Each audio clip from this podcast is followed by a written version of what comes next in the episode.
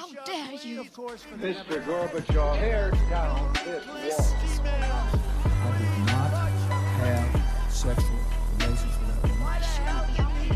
Read my lips. Hell yes, we're gonna take your AR-15. This way. I have a dream. Thank you. Ja, Viken-bonanzaen eh, fortsetter her hos eh, SOS. Eh, Og vi snakka jo i eh, den første podkast-episoden i 2020, eh, og den første episoden om Viken. Da snakka vi litt mer om Viken spesifikt, regionen, og litt bakgrunn for hvorfor Viken har blitt sånn som den har blitt, og hvorfor den ble gjennomført. Konklusjon dårlig politisk håndverk.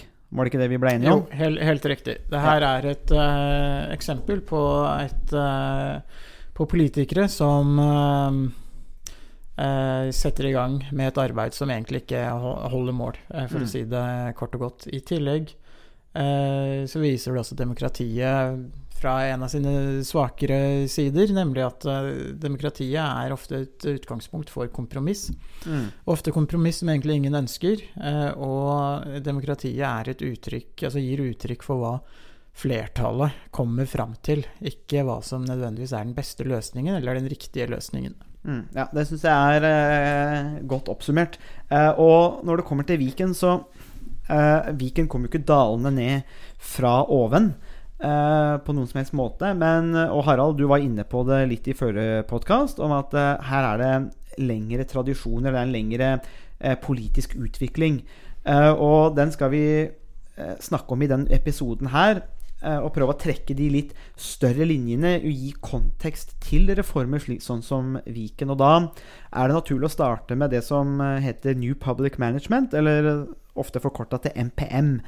Um, kort sagt så er det et paraplybegrep om ulike reformprogrammer for offentlig sektor. og de disse reformene kom i utgangspunktet som en reaksjon på 1970-tallet for en voksende offentlig sektor som krevde stadig flere ressurser. Og MPM er derfor ikke en teori. Det er ikke én teori i seg selv, men heller reformer som har kommet som et resultat av faktiske politiske forhold. og handler derfor på mange måter om hvor mye ressurser samfunnet skal bruke på en offentlig sektor. Um, eller eh, sagt i uh, Laswells kjente definisjon av politikk hvem som skal få hva, når og hvor.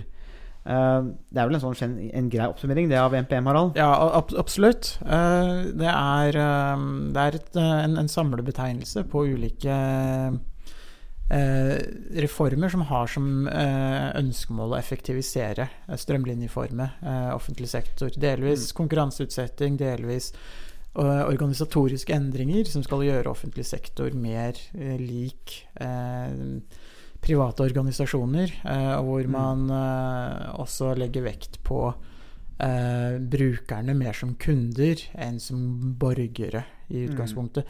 Det som også er interessant, er jo også å se på den konteksten som skapte New Public Management på, på 70-tallet. Eh, etter andre, andre verdenskrig så var det jo et stort behov i mange vestlige land for å bygge ut eh, offentlig sektor. En velferdsstat, offentlig sykehus, eh, bedre utdannelsesmuligheter eh, osv. osv.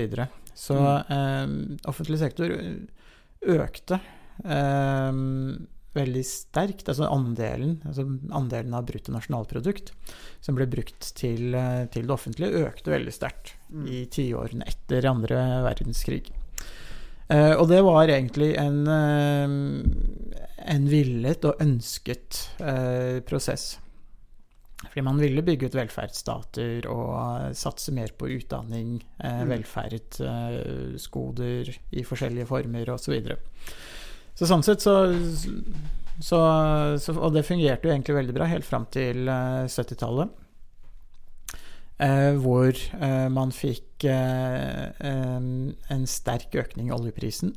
Mm. som medførte at mange vestlige økonomier eh, stagnerte. Og økonomier som stagnerer, har fallende eller eh, stagnerende skatteinntekter. Mm. Og når man da har eh, kanskje økende utgifter til en velferdsstat som er eh, blitt bygd opp de siste tiårene, så får man en, eh, en vanskeligere økonomisk eh, situasjon. Og det var virkeligheten for veldig mange eh, vestlige land eh, Mm. på, på 70-tallet. Det er jo en knapphet på ressurser, det er jo et, eh, en Ja. vi snakker om ofte. Det er, og det er, det er jo et, eh, et, det er et, det er et problem som gjelder i aller fleste land. Eh, og fram til nå, nesten Men Norge har vært litt unntatt Ja. siden, eh, siden eh, olja. For vi pøser jo bare milliarder inn. Det he- Eh, helt riktig. Så Norge er jo til en viss grad på noen områder et, et annerledesland annerledes land når det kommer Mm. til til knapphet på økonomiske ressurser, fordi vi har stort sett hatt muligheten til å øke statsbudsjettet eh, år for år. Mm. Eh, Men det som er interessant, er at da på 70-tallet, med økonomisk stagnasjon og tilbakegang, eh, så var det et behov for å reformere offentlig sektor. Eh, tenkte mange. Vi måtte, var det, nå må vi gjøre noe for å redusere kostnadene. eh, For å få kostnadsutviklingen eller økningen under kontroll. Mm. Og hvis vi ikke gjør noe, så vil vi eh, vil vi ikke kunne levere gode tjenester, og vi vil heller ikke ha, ha råd til å levere de, de tjenestene under noen som helst måte, praktiske omstendigheter. Det er jo en enorm befolkningsvekst òg, ikke sant? Ja, Etter, etter 1945, tross alt. eh, man, man fikk en veldig sterk eh, man, hadde veldig mange En sterk økning i barnefødsler eh, eh, på 50-60-tallet som gjorde at at man også fikk eh, Det var nødvendig å gjennomføre store eh, investeringer i utdanning, helse osv. Og, Mm. eh, og så eh, medførte den befolkningsøkningen i stor grad økte kostnader eh, eh, Mm. senere i, på 70-tallet osv. Så, videre. så, så, man- så det var på en måte et Man må huske på den konteksten som gjorde at det, det, det, her, det her kommer ikke ut av ingenting. Det er ikke sånn at det her var noen onde, mørke menn nødvendigvis som eh, eh, som hadde et ønske om å gjøre livet vanskeligere for eh, både for Ja, ja. verken borgerne eller de som eh, var ansatt i offentlig sektor. Det var et, et genuint eh, behov for å gjennomføre noen, noen nødvendige endringer. Mm, så der har vi jo det, det som vi nevnte i stad, nemlig faktiske politiske forhold. Eh, og så kommer det jo da sammen med eh, forskningen, altså litteraturen, eh, til eh, akademikere som Friedrich von Hayek, Milton Friedman, eh, som også sammentreffer med statsminister Margaret Thatcher, f.eks., i Storbritannia. Ja, og Og Reagan i, Og Reagan eh, USA. i USA. så det det er en sånn slags liten sånn kulminasjon der. Men, Ja. men og uansett hva man måtte tenke og mene, og være uenig i, og hvilken politisk ståsted man har, så spiller det på en måte ikke en rolle. For MPM kom. Altså MPM vokste fram eh, som en sånn paraplybevegelse. Eller terme, da. Mm. Altså reformer, da. Reformstvang. Eller Ja. reformsbehov. Ja, altså det, det jo- Ønske om behov. Ja, altså, og det har jo blitt en veldig sånn utskjelt eh, reform eh, eh, eh, Mm. for å si det sånn. Eh, og den, den er blitt eh, Man ofte, legger ofte skylda på New Public Management-tenkning hvis det er noe som går galt. Og um, noen ganger så er det sikkert riktig, andre ganger så kan det kanskje være det at man, man overforenkler, Ja. eh, rett og slett. Fordi- Men det her kom jo til Norge òg. det, det gjorde det. Eh, Det kom, eh, kom faktisk Man kan vel nesten tidfeste ganske nøyaktig når, eh, når det kom til til Norge. 1.1.2020. Eh, ja, nesten. Det kom Man kan egentlig si at New Public Management eh, kom eh, til, til Norge eh, i, i 1987. Mm. Da ble det satt ned et uh, de eh, beste åra i Norge, har jeg hørt. Ja, for da ble vel kanskje du født? Det kan hende, det. Det kan hende, det. En av de, en av de mange tingene, ja. Ja. Uh, det er utrolig hva som skjedde i 1987. Det, Norge har ikke blitt det samme siden. Uh, nei, og jeg vet ikke helt om det er på godt eller vondt, men det, Gjenstår å se. det gjenstår å se. Du uh, har jo lagt din klamme hånd om Norge nå, så vi får bare Det er bare å passe seg. vi, vi tar det til etterretning, som Ta- politikerne sier. Ja, vi tar til etterretning. Ja. Men vi tar også til etterretning eh, det såkalte Hermansen-utvalget. Ja, for det såkalte Hermansen-utvalget eh, ble satt ned da eh, i 1987 eh, for å se om man kunne organisere staten på en bedre måte. Og, eh, Bare sånn, hvem, hvem var ja, Hermansen? Jeg, kommer til, kommer til det nå. Eh, Hermansen er, er jo den godeste Tormod Hermansen, som mange kanskje husker som eh, som leder, eh, konsernsjef eh, for Telenor. Mm. Eh, så Tormod Hermansen da var, var da leder eh, for et utvalg eh, som skulle se på om man kunne organisere staten på en bedre måte. Eh, og svaret på det spørsmålet, det var kort og godt ja. Mm. Vi kunne organisere staten, eller det offentlige, på en bedre måte. Og eh, løsningen, det var eh, eh, å løse opp eh, rigide, detaljstyrende eh, organisasjonsformer. Gi or eh, de statlige organisasjonene eh, fristilling til å organisere seg sånn som de selv ville. Mm. I tillegg så skulle man bruke aktiv målstyring i mye større grad. Eh, man skulle ha en mål- og resultatstyring. Alle eh, offentlige virksomheter skulle ha mål som skulle være styrings... Eh, Det man skulle styre etter. eh, det som man skulle måles etter. For her er det en sånn konkurransemekanisme og sånne ting ikke sant? fra det private. Ja, Man emulerer det private markedet. He he helt riktig. Man forsøker eh, å gjenskape Ikke nødvendigvis et- et marked sånn i seg selv, men i hvert fall noen av organisasjonsstrukturene og måten å tenke på. Mm. Uh, så man sier litt sånn floskelaktig at uh, la lederne lede, f.eks. Eh, så gi de, gi de ansvar. Eh, så vil de liksom finne ut av hvordan man skal organisere virksomheten på best mulig måte. Mm. Eh, Så det, så det, ehm, det var eh, den måten New Public Management kom til, til Norge, Norge på, rett og slett. Mm. Og på 80-tallet og begynnelsen av 90-tallet eh, så hadde man jo det som ble kalt for Televerket. Eh, som det Man kanskje må være født på um, eh, 70-tallet for egentlig å, å huske. Fasttelefonens Fast eh, eh, tid. Ja, eh, og jeg er jo eh, blitt eh, så gammel at eh, jeg eh, Jeg husker jo eh, hvordan verden så ut uten mobiltelefon. Eh, og det var jo et merkelig sted, selvfølgelig. Men eh, da hadde man jo Televerket, som eh, da er det samme som, som Telenor. Og Televerket var jo det som den, eh, var et statlig direktorat eh, som, som hadde ansvar for å bygge ut fasttelefonnettverket i, i Norge. Ja, for det her er jo det som er Bare for å trekke tilbake til ak akkurat der vi starta. Og, det er, og det er, her er jo viktig å få med på kontekst. ikke sant? Når man tenker på Televerket, altså post 1945, krig, gjenoppbygging av landet. eh, ikke så veldig mange aktører i Norge eh, som hadde midler til å gjennomføre tiltak. Det er staten som stort sett sitter Ja. på de midlene. Helt riktig. Og det er, her det, kommer, det er liksom her det kommer fra. Men Ja. så nå er vi på en måte i en tid, en helt annen tid har vi kommet fram til nå på 80-90-tallet, hvor det ikke Det er ikke så prekært lenger. Nei, eh, for uh, eh, det var i stor grad staten som hadde mus økonomiske muskler til å gjenreise landet etter andre verdenskrig, for å si det litt kort og enkelt. Eh, og eh, det var naturlig at staten skulle, eller det offentlige, skulle bygge ut infrastrukturprosjekter eh, og gjen stå for in store investeringer. Så eh, Televerket ble jo da eh, omdanna til det som heter Telenor eh, i dag.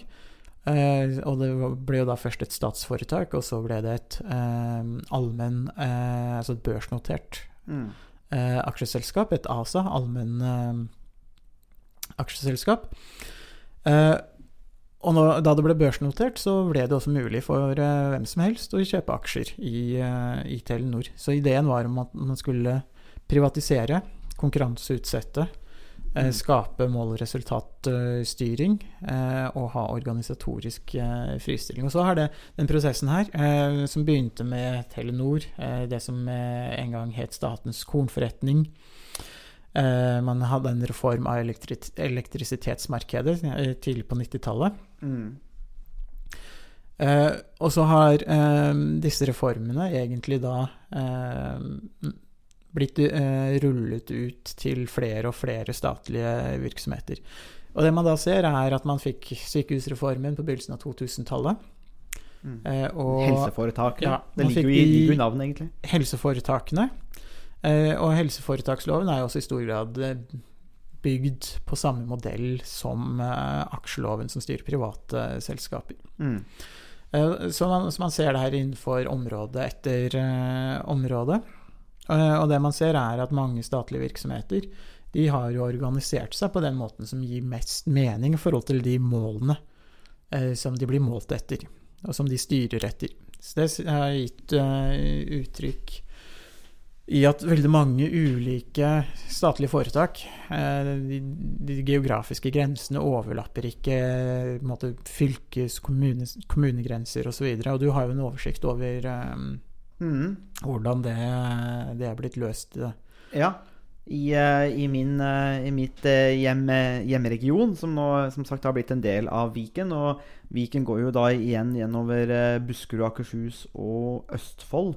Men nettopp det du sier med den organisatoriske fristillingen For det har jo vært mye samarbeid i regionen over, over lang tid. Slik at f.eks.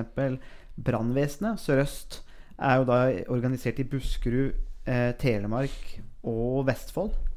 Eh, mens Sør-Øst politidistrikt er i Buskerud, Telemark og Vestfold. Så det er et ganske sterkt eh, eh, samarbeid mellom Buskerud, Vestfold og Telemark. Helse Sør-Øst er jo en stor region. Den skal jo også splittes opp igjen eh, i, i to i det nye. Eh, mens f.eks. Statens vegvesen for oss eh, er eh, i Buskerud, da, er Buskerud, Vestfold, Telemark, Aust-Agder og Vest-Agder. Med kontor i Arendal. Eh, men så kommer vi f.eks. til Arbeidstilsynet. Det er da organisert i noe som heter Indre Østland. Eh, og gjelder da Oppland, Hedmark eh, annet, da, og Buskerud. Eh, og det er jo sånn at for Hallingdal så er, berører den nye reformen. Så her har man da gjort en Vi har snakka om det nå. Man har gjennomført en stor reform for å få en stor region som skal ta over arbeidsoppgaver og, måte, og eh, få folk nærmere de folkevalgte og den makta. Samtidig så har Hallingdal eh, I den nye regionen så er de bare knytt, altså direkte knytta til det nye storfylket gjennom tre ulike foretak, etater og vesen. Så har man da slått sammen masse. Men Hallingdal, som er, også er Norges største reiselivsdistrikt, har da bare tre tilknytningspunkter til den nye regionen. Eh, og, og, det her er jo litt spesielt, fordi at man vil jo tro at følger man logikken I hvert fall tenker jeg da Det er mulig at jeg har eh, misforstått eh, offentlig politikk administrasjonsfaget og NPM, men man kunne, man kunne tenke seg at hvis man følger logikken som du har utledet her, Harald, så skulle jo en, en re reform av regioner basert seg på allerede eksisterende reformer og inter, altså interregionalt samarbeid. For da bygger man på det folk har kommet fram til allerede. Eh, og det er det her jeg finner litt merkelig med Viken. At da har man plutselig tatt en litt sånn ovenfra og ned, lagd en ny region, men som ikke baserer seg på den logikken som underbygger NPM. Ja, det, og det er det som er litt uh, paradoksalt, fordi man har frigjort offentlig sektor innenfor de aller fleste andre eh, oppgaveområder, mattilsyn, arbeidstilsyn og alle de ulike etatene som du, uh, som du nevnte. Så, så man har en slags fristilling, frigjøring, av institusjonene i staten ellers. Og så kommer man med Viken og styrer det top down. Istedenfor nedenfra og opp, så blir det ovenfra og ned. Og det er jo det paradoksale her. Mm. Eh, fordi at det gjør jo at eh, man tvinges inn i en modell som man bare må akseptere, uavhengig av eh, eh, uavhengig, Helt uavhengig av hvilke oppgaver som skal løses, og hva som er de hensiktsmessige geografiske, befolkningsmessige eh, regionene. Mm. Ja, er, jeg, jeg syns det er det, altså for, for meg så fremstår det som merkelig at man ikke tar hensyn til disse tingene. Eh, og eh, langt på vei eh, bygger opp under den konklusjonen vi hadde i forrige podkast, om at det her handler om dårlig politisk håndverk. Eh, og så er jo reformer er jo ikke noe nytt. Uh, det er jo til dels en nødvendighet, for man vil jo alltid ha reformer. Det er jo, man kan jo ikke stå stille heller. Eh, det blir en slags stagnering, så reformer må man jo ha. Ja, samfunnet endrer seg, og samfunnet endrer seg jo, kan jo ofte endre seg raskt. Det Mm. har det jo gjort de siste ti årene. Mm. Så, så det er en, en, en nødvendighet eh, å gjennomføre reformer, så offentlige virksomheter er eh, tilpassa de eh, oppgavene og utfordringene som, som de skal eh, løse. Mm. Og da, og da eh, tenker jeg på nettopp det vi snakka om i starten. Etter andre verdenskrig så er man nødt til å gjennomføre en del reformer fordi landet er langt nede. Eh, ja, bortsett fra Hallingdal, da, som eh, gikk ut av andre verdenskrig med lavere arbeidsledighet enn de kom inn. Så det var, det var Hallingdal. De tjente jo på krigen. Men eh, Det sier kanskje mer om Hallingdal enn eh, resten av Norge? Det, er, det, er åpent for, det er åpent for u ulike tolkninger eh, akkurat der. Ja. Eh, men reformer måtte gjennomføres for å gjenreise landet. På den måten så kan vi kanskje si at det var reformer med innhold. Det var klare politiske prosjekter. Eh, og det som for meg så, så fremstår Viken som en reform uten innhold. Eh, jeg tror jeg kalte det i forrige podkast en sånn MPM-sjuke eller reformsjuke. Det er jo satt litt på spissen, kanskje, men eh, det er noe med det med reform uten innhold. Ja, fordi at eh, hvis vi, hvis vi, eh, som du var inne på nå, trekker opp litt de lange linjene, eh, så var det eh, et stort behov for å bygge ut eh, offentlig sektor etter andre verdenskrig. Eh, Så alle reformene man gjennomførte, hadde et eh, konkret innhold. Det var en velferds... eh, stat som skulle bygges ut. Eh, så man ville øke tilbudet til, eh, til borgerne og befolkningen. Mm. Eh, og man hadde et, et formål eh, som var veldig tydelig og klart. Og det er jo noe man kunne være politisk enig eller uenig i, selvfølgelig. Men eh, det var et, en veldig stor grad et, et, et behov for de reformene. Mm. Eh, og de skulle løse et problem, et samfunnsproblem. Så man bygde ut universitetssektoren, høyere utdanning, for å øke tilgangen til eh, høyere utdanning, f.eks. Eh, og så videre og så. Så man, man skulle bygge landet. Eh, og det var jo noe man bokstavelig talt eh, også sa, eh, rent Mm. politisk.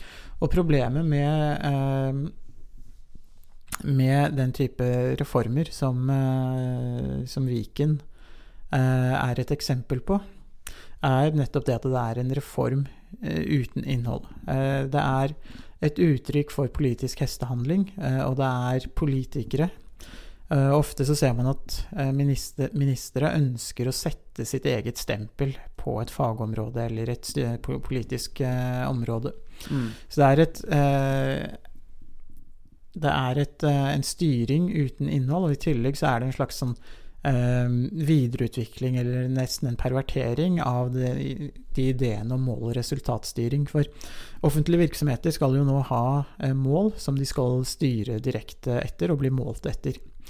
Eh, Og sånn som med, med Viken og en del andre reformer, så kan man si at det er reform uten innhold, hvor man har ulike floskler eh, som, skal, som er styringsmålene, som egentlig ikke kan måles, Mm.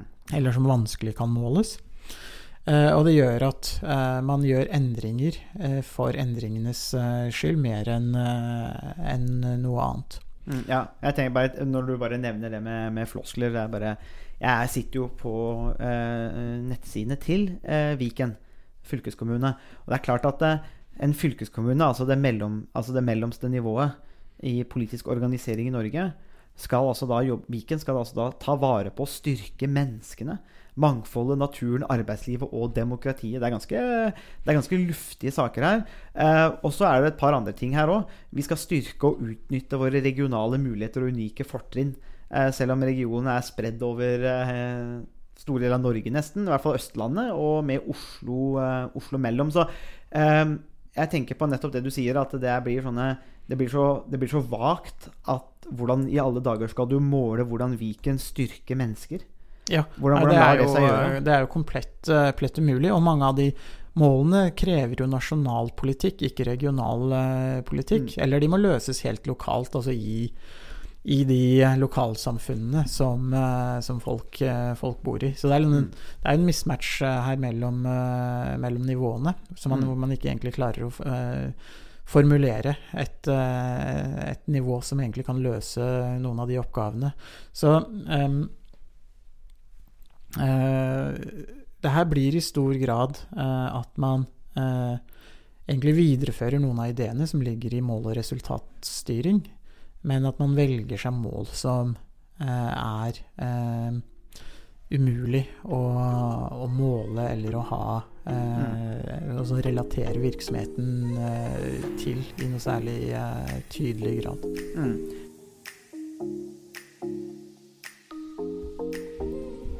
Før vi graver dypere i debatten om Viken, så vil vi gjerne benytte muligheten til å oppfordre deg som eh, hører på, til å rate podkasten og skrive en vurdering. Det gjør at det er lettere for flere å eh, finne podkasten. Men nå mer Viken. Viken er her, og så har vi et politisk parti som for tida scorer ganske høyt på meningsmålingene. Eh, og som har som et mål i Viken, i hvert fall, og en liten reform, de òg. Det er jo en reform, for de vil jo da reversere Viken. Eh, på en måte en reform, det òg. Um, og det, man kan kanskje si at det også er en reform uten innhold. Ja, Og hvis man om to år skulle begynne å reversere Viken For det er en del, er en del problemer med det. Altså Viken har da satt seg i to år, og så skal man reversere Viken. Selv om da en del eh, arbeid har begynt å sette seg, samarbeid har begynt å sette seg. Hvordan, hvordan, her, hvordan, skal, det, hvordan skal en sånn reversering være mulig, tror du? Nei, altså det, For det første så ser man jo ofte at eh, når, når en eh, reform er gjennomført, så, så blir det sånn. Uh, om det er bra eller dårlig, er et annet spørsmål, men de strukturene man endrer på, er såpass eh, dype, og de er såpass tunge, som gjør at det er vanskelig å reversere i, i praksis. Men man kan jo si at prinsipielt sett så er det mulig å reversere Viken. Absolutt. Eh, problemet er liksom hva er alternativet? Mm. Skal man da gå tilbake til tre fylker, Østfold, Akershus, Buskerud, som har den formen de, de hadde fram til, eh, til årsskiftet? Eh, og problemet til Senterpartiet er at de, de i veldig liten grad uh, formulerer et alternativ. De sier de skal reversere, men uh, skal, de er, vel, er mer utydelige på hva som er det reelle alternativet, og hva som er løsningen på en del av de utfordringene som både kommuner og de, de tidligere fylkeskommunene sto, sto ovenfor. Mm. Ja, ja, for vi får jo Altså, i hvert fall her vi sitter, da, Harald, i, i eh, Jeg har lyst til å kalle det Østfold. Um, som vokser og vokser. Uh, Fredrikstad, Sarpsborg uh, er jo de to byene som nesten vokser raskest i landet, og, og som region. Uh, og det vokser sammen, og det vokser inn mot Oslo. Det er det som er markedet. Og det er ingen tvil om at her er det et behov for framtidig altså sammenslåinger eller andre måter å organisere seg på. Um, det tror jeg er hevet over enhver tvil. Og spørsmålet er måte, hva man eventuelt ville oppnå med å reversere uh, den, en, en, en, det arbeidet som allerede har begynt. Det virker jo, kan jo kanskje fremstå som litt halvveis reaksjonært. Ja, absolutt. Det er, eh, det er vel mer enn halvveis, halvveis reaksjonært. Det er vel egentlig direkte reaksjonært, fordi at uh, man, uh, man vil egentlig bare stå imot endringer. for, fordi man ikke vil ha endringer. Mm. Og det er jo noe av problemet. Altså, det kan ofte være gode grunner til å motstå endringer, men da må man ha gode argumenter for å motstå de endringene. Og det er jo ofte eh, Det man ser, er jo at det er en slags fravær av eh, gode argumenter, og det gjelder jo både motstanderne av Viken og fylkes- eh, eller regionreformen. Motstanderne har ikke så veldig mange gode argumenter, fordi at spesielt eh, Oslofjordområdet og mange andre områder også i, i, Norge, de står overfor ganske store utfordringer. Eh, Du nevnte noen av utfordringene med urbanisering, sterk Mm. eh, vekst i befolkningstall osv. Eh, og det er noe som man må eh, Som skaper eh, ny, en ny situasjon, en ny, ny virkelighet for kommunene. Så det er, ikke noe, det er ikke noen løsning å ikke gjøre noe, og det er egentlig det Senterpartiet står for. De står for at de ikke vil gjøre noe. Problemet på den andre siden, og de som støtter eh, regionreformen, er jo at de, de blir jo stående og forsvare en dårlig reform. Mm. Og det er jo eh, i, i, altså I prinsippet så er jo det like ille. Så man har egentlig to politiske blokker som står mot hverandre, hvor begge to eh, står for en, egentlig en like en politikk som kanskje er like meningsløs eller lit, like lite eh, fornuftig. Mm. Og det, det er der vi står i dag. Eh, Så samfunnet står overfor ganske store eh, samfunnsendringer. Eh, Norge har jo de siste 200 årene blitt urbanisert. altså For 200 år siden var det kanskje 2% av Norges befolkning som bodde i, i byer, eller urbane eller eh, tettsteder. Og i dag så er det jo eh, nærmere 80, kanskje eh, over 80% også, som bor i, i tettbygde strøk, byer. Eh, Mm. Og den urbaniseringstrenden har jo pågått i 200 år og vil eh, med all sannsynlighet fortsette. Eh, og det betyr at det vil flytte flere mennesker til Oslofjordområdet, som allerede i dag har omtrent Mm. halvparten av Norges befolkning, eller enda mer, kanskje. Og det vil også bli befolkningsvekst rundt Trondheimsfjorden, Trondheim og Bergen, Stavanger, Jæren eh, Mm. osv. Eh, og det er, det er en stor utfordring. eh, En stor samfunn, demografisk samfunnsendring. Og hvordan man løser de oppgavene. Altså Hvis man ser på eh, Norges befolkning i dag, så bor halvparten av Norges befolkning omtrent eh, fra, altså rundt Oslofjordområdet, fra Halden i, i syd, eh, sydøst, altså rundt, eh, altså opp til Oslo, ned til, altså forbi Drammen, ned til Vestfoldbyene og til Skien-Grenland. Mm. Så finner man altså et veldig mm, smalt belte langs Oslofjorden, så finner man halvparten av Norges befolkning, sånn røftlig. Mm. Eh, og veksten der er eh, økende, og det er noe som politikerne må eh, Altså det skaper eh, utfordringer for politikerne som de må, må løse. Og problemet med Mm. Viken er at det er ikke en organisasjon eller en eh, organisering som, som adresserer og tar tak i de eh, utfordringene som samfunnet står overfor. Og Mm. der er det der er jo både eh, opposisjonspartiene, eh, spesielt Senterpartiet, men også regjeringspartiene, like ansvarlige. Mm. Fordi at de har kommet eh, Senterpartiet vil ikke gjøre noen ting. Eh, og det er en dårlig løsning. Det er ingen løsning. Eh, og regjeringspartiene kommer med en dårlig løsning. Mm. Ja, det er, det, er, nettopp det der at man har identifisert problemer og utfordringer, og så eh, får man ikke til noen god løsning. Og jeg, jeg terga jo på meg en, en fremtredende senterpar senterpartipolitiker i sommer eh, på et valgmøte hvor jeg slo fast at det å reversere Viken er utopisk eh, og også egentlig ganske dumt. Eh, hvorpå vedkommende sa at uh, du skal vite det, at uh, der det er vilje, så er det muligheter. Og det handler egentlig bare om penger og ressurser. Men det er klart, det er jo ikke helt Og og det er jo, som du sier, prinsipielt og teoretisk helt riktig.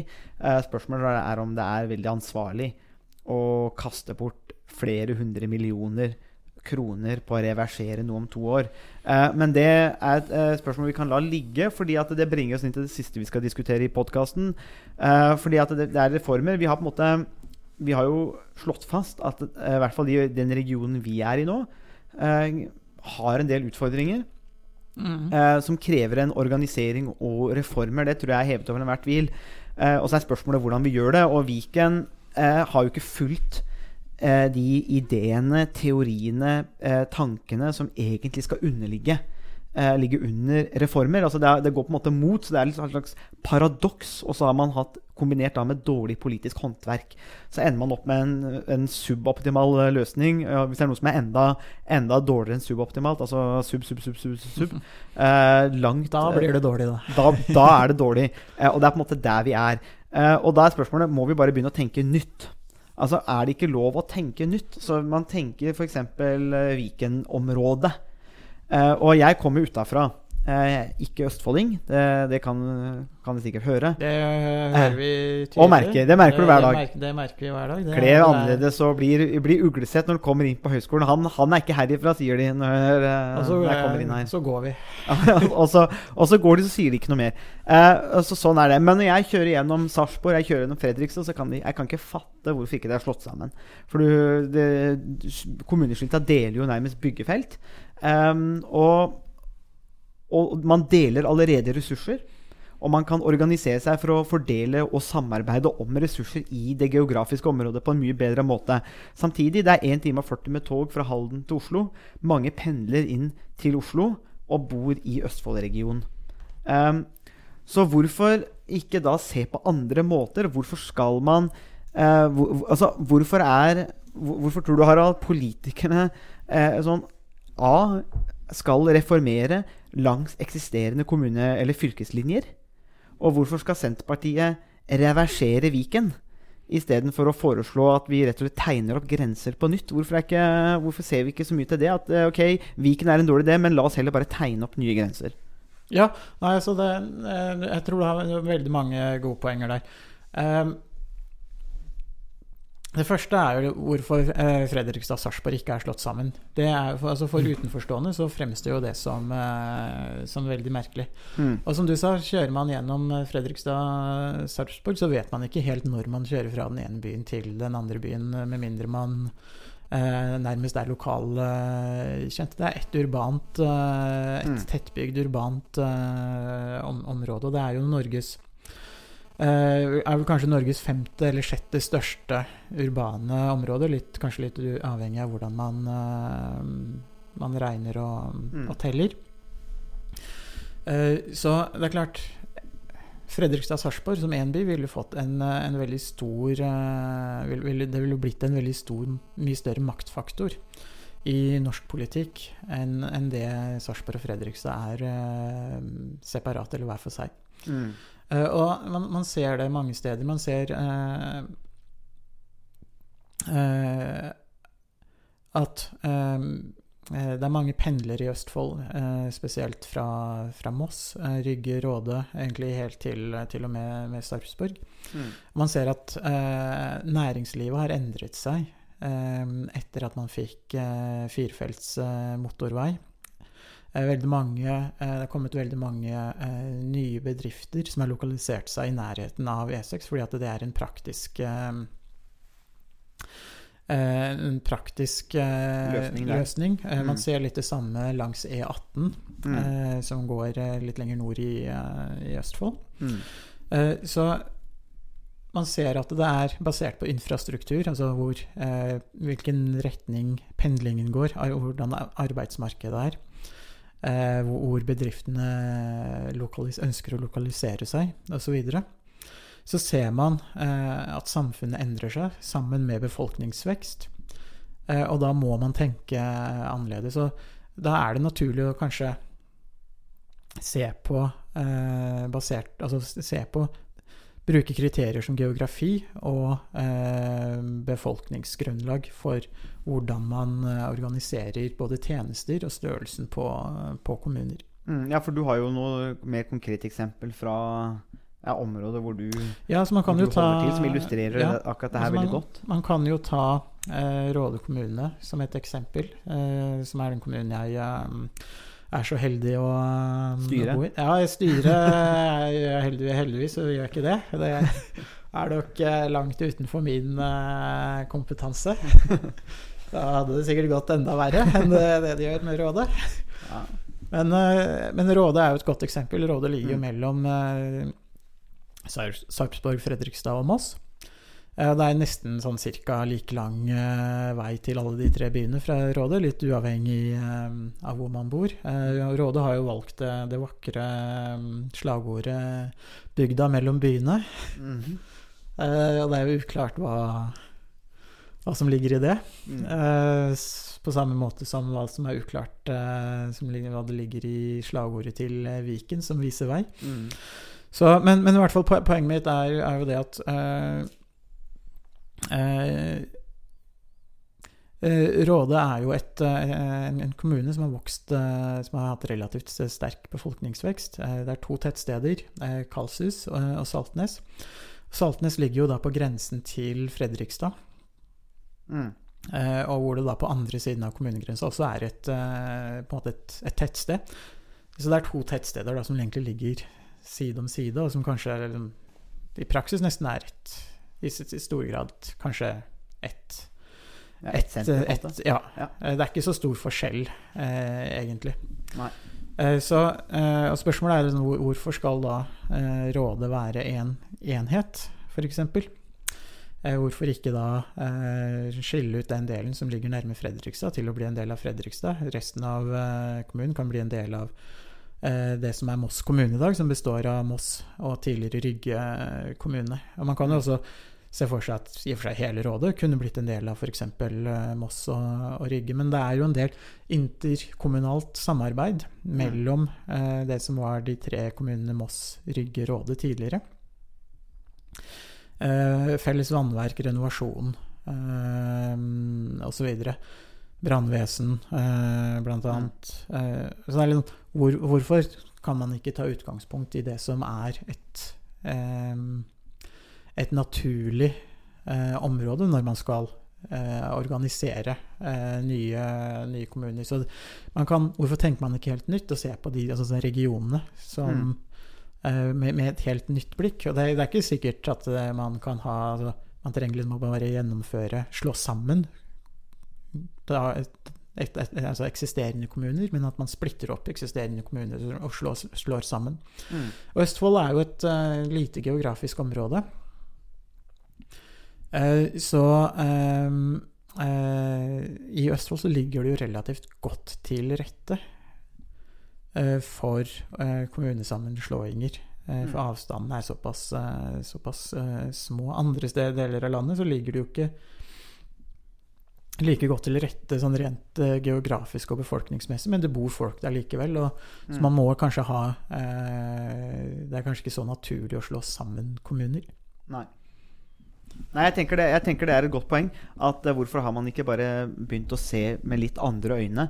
Og at reform nå, eh, med, med regionreform, treng, burde ikke nødvendigvis følge alle de satte grensene. Men at vi faktisk, hvis man først skal gjennomføre reformer, så må man gi dem noe innhold. Det er nettopp det. Og hvis man hadde, hvis man hadde eh, vært litt modigere og heller sett på hvordan man kan trekke nye eh, kommunegrenser, regionsgrenser, eh, så ville det kanskje også vært en mulighet for at både Senterpartiet, som vil ha eh, lokale løsninger, eh, nærme folk, som uh, vår gode venn Trygve Magnus Slagsvold Vedum Uh, Din tidligere ja, jeg har jo, Ikke eh, klassekamerat, men Nei, vi gikk faktisk ett år sammen på videregående. Ja, på, på Tom jordbruksskole, eller Tom videregående heter det vel kanskje nå også, jeg vet ikke helt. mm. Så, så Trygve Magnus Slagsvold Vedum vil jo ha løsninger, eller tjenester, nærme folk. Mm. Eh, mens Høyre og uh, Frp de vil jo ha større kommuner. Så hvis man hadde gått sammen om å liksom trekke grensene på nytt, så kunne man jo da der det var grunnlag, befolkningsgrunnlag og geografisk grunnlag for å ha større kommuner, som f.eks. Sarpsborg, Fredrikstad, Mm. uh, så ville man kunne få en eh, Utnytte det potensialet som ligger i å få større enheter, men samtidig, hvis man da liksom ser hvor det er mindre gevinster å hente for Mm. sammenslåing, som f.eks.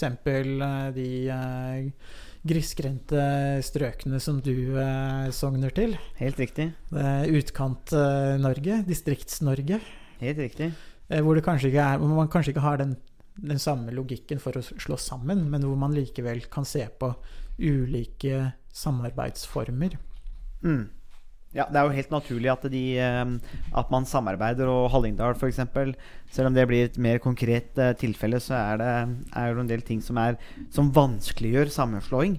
eh, På en måte som ikke eksisterer i Østfold, hvor mulighetene er mye større, og hvor det er mer hensiktsmessig å se på, eh, på sammenslåing. Men jeg tenker helt bare da, for å avslutte eh, denne episoden, eh, så lurer jeg litt på om Vi snakker jo om alle disse Altså, hva kan, hva kan man reformere?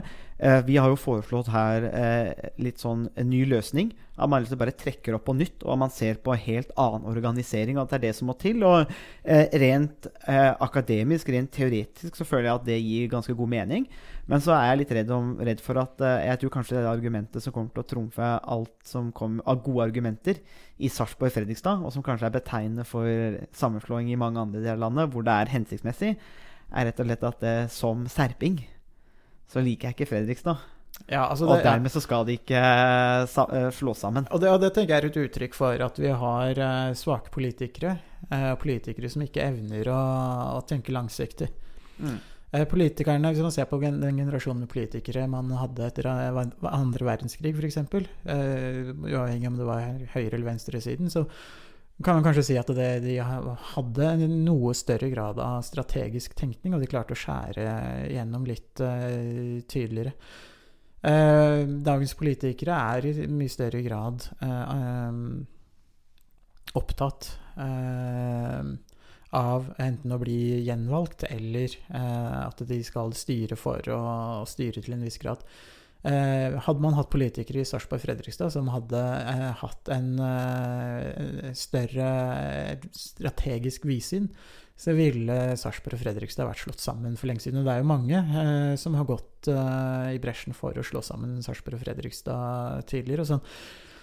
Eh, Egentlig så framstår jo den kampen her, eller den diskusjonen her mellom Fredrikstad og Sarpsborg er jo omtrent som blånissene versus rødnissene. Det er, framstår som smålig og tullete og um, Og Mm. egentlig ikke Egentlig veldig lite fornuftig. Mm. Ja, Nei, det spørs om ikke du, når du kjører hjem i dag, Harald, eh, må uh, må nok skru ned kommuneskiltet mellom eh, Sarpsborg og Fredrikstad. Ja, men jeg Altså, tenkte også å foreslå at du anskaffer deg pansra bil uh, når folk har hørt på den uh, podkasten her. Det spørs nok, det. Takk for at du hørte på denne episoden av SOS. Hvis du likte det du hørte, så setter vi stor pris på om du vil dele podkasten med venner og bekjente. Eh, Vi tar gjerne imot spørsmål, eh, og adressene for elektronisk post ligger i eh, beskrivelsen. Musikken var komponert av Robin Horvath, og neste episode kommer om eh, en uke sånn cirka. Vi høres! And change is coming whether you like it or not.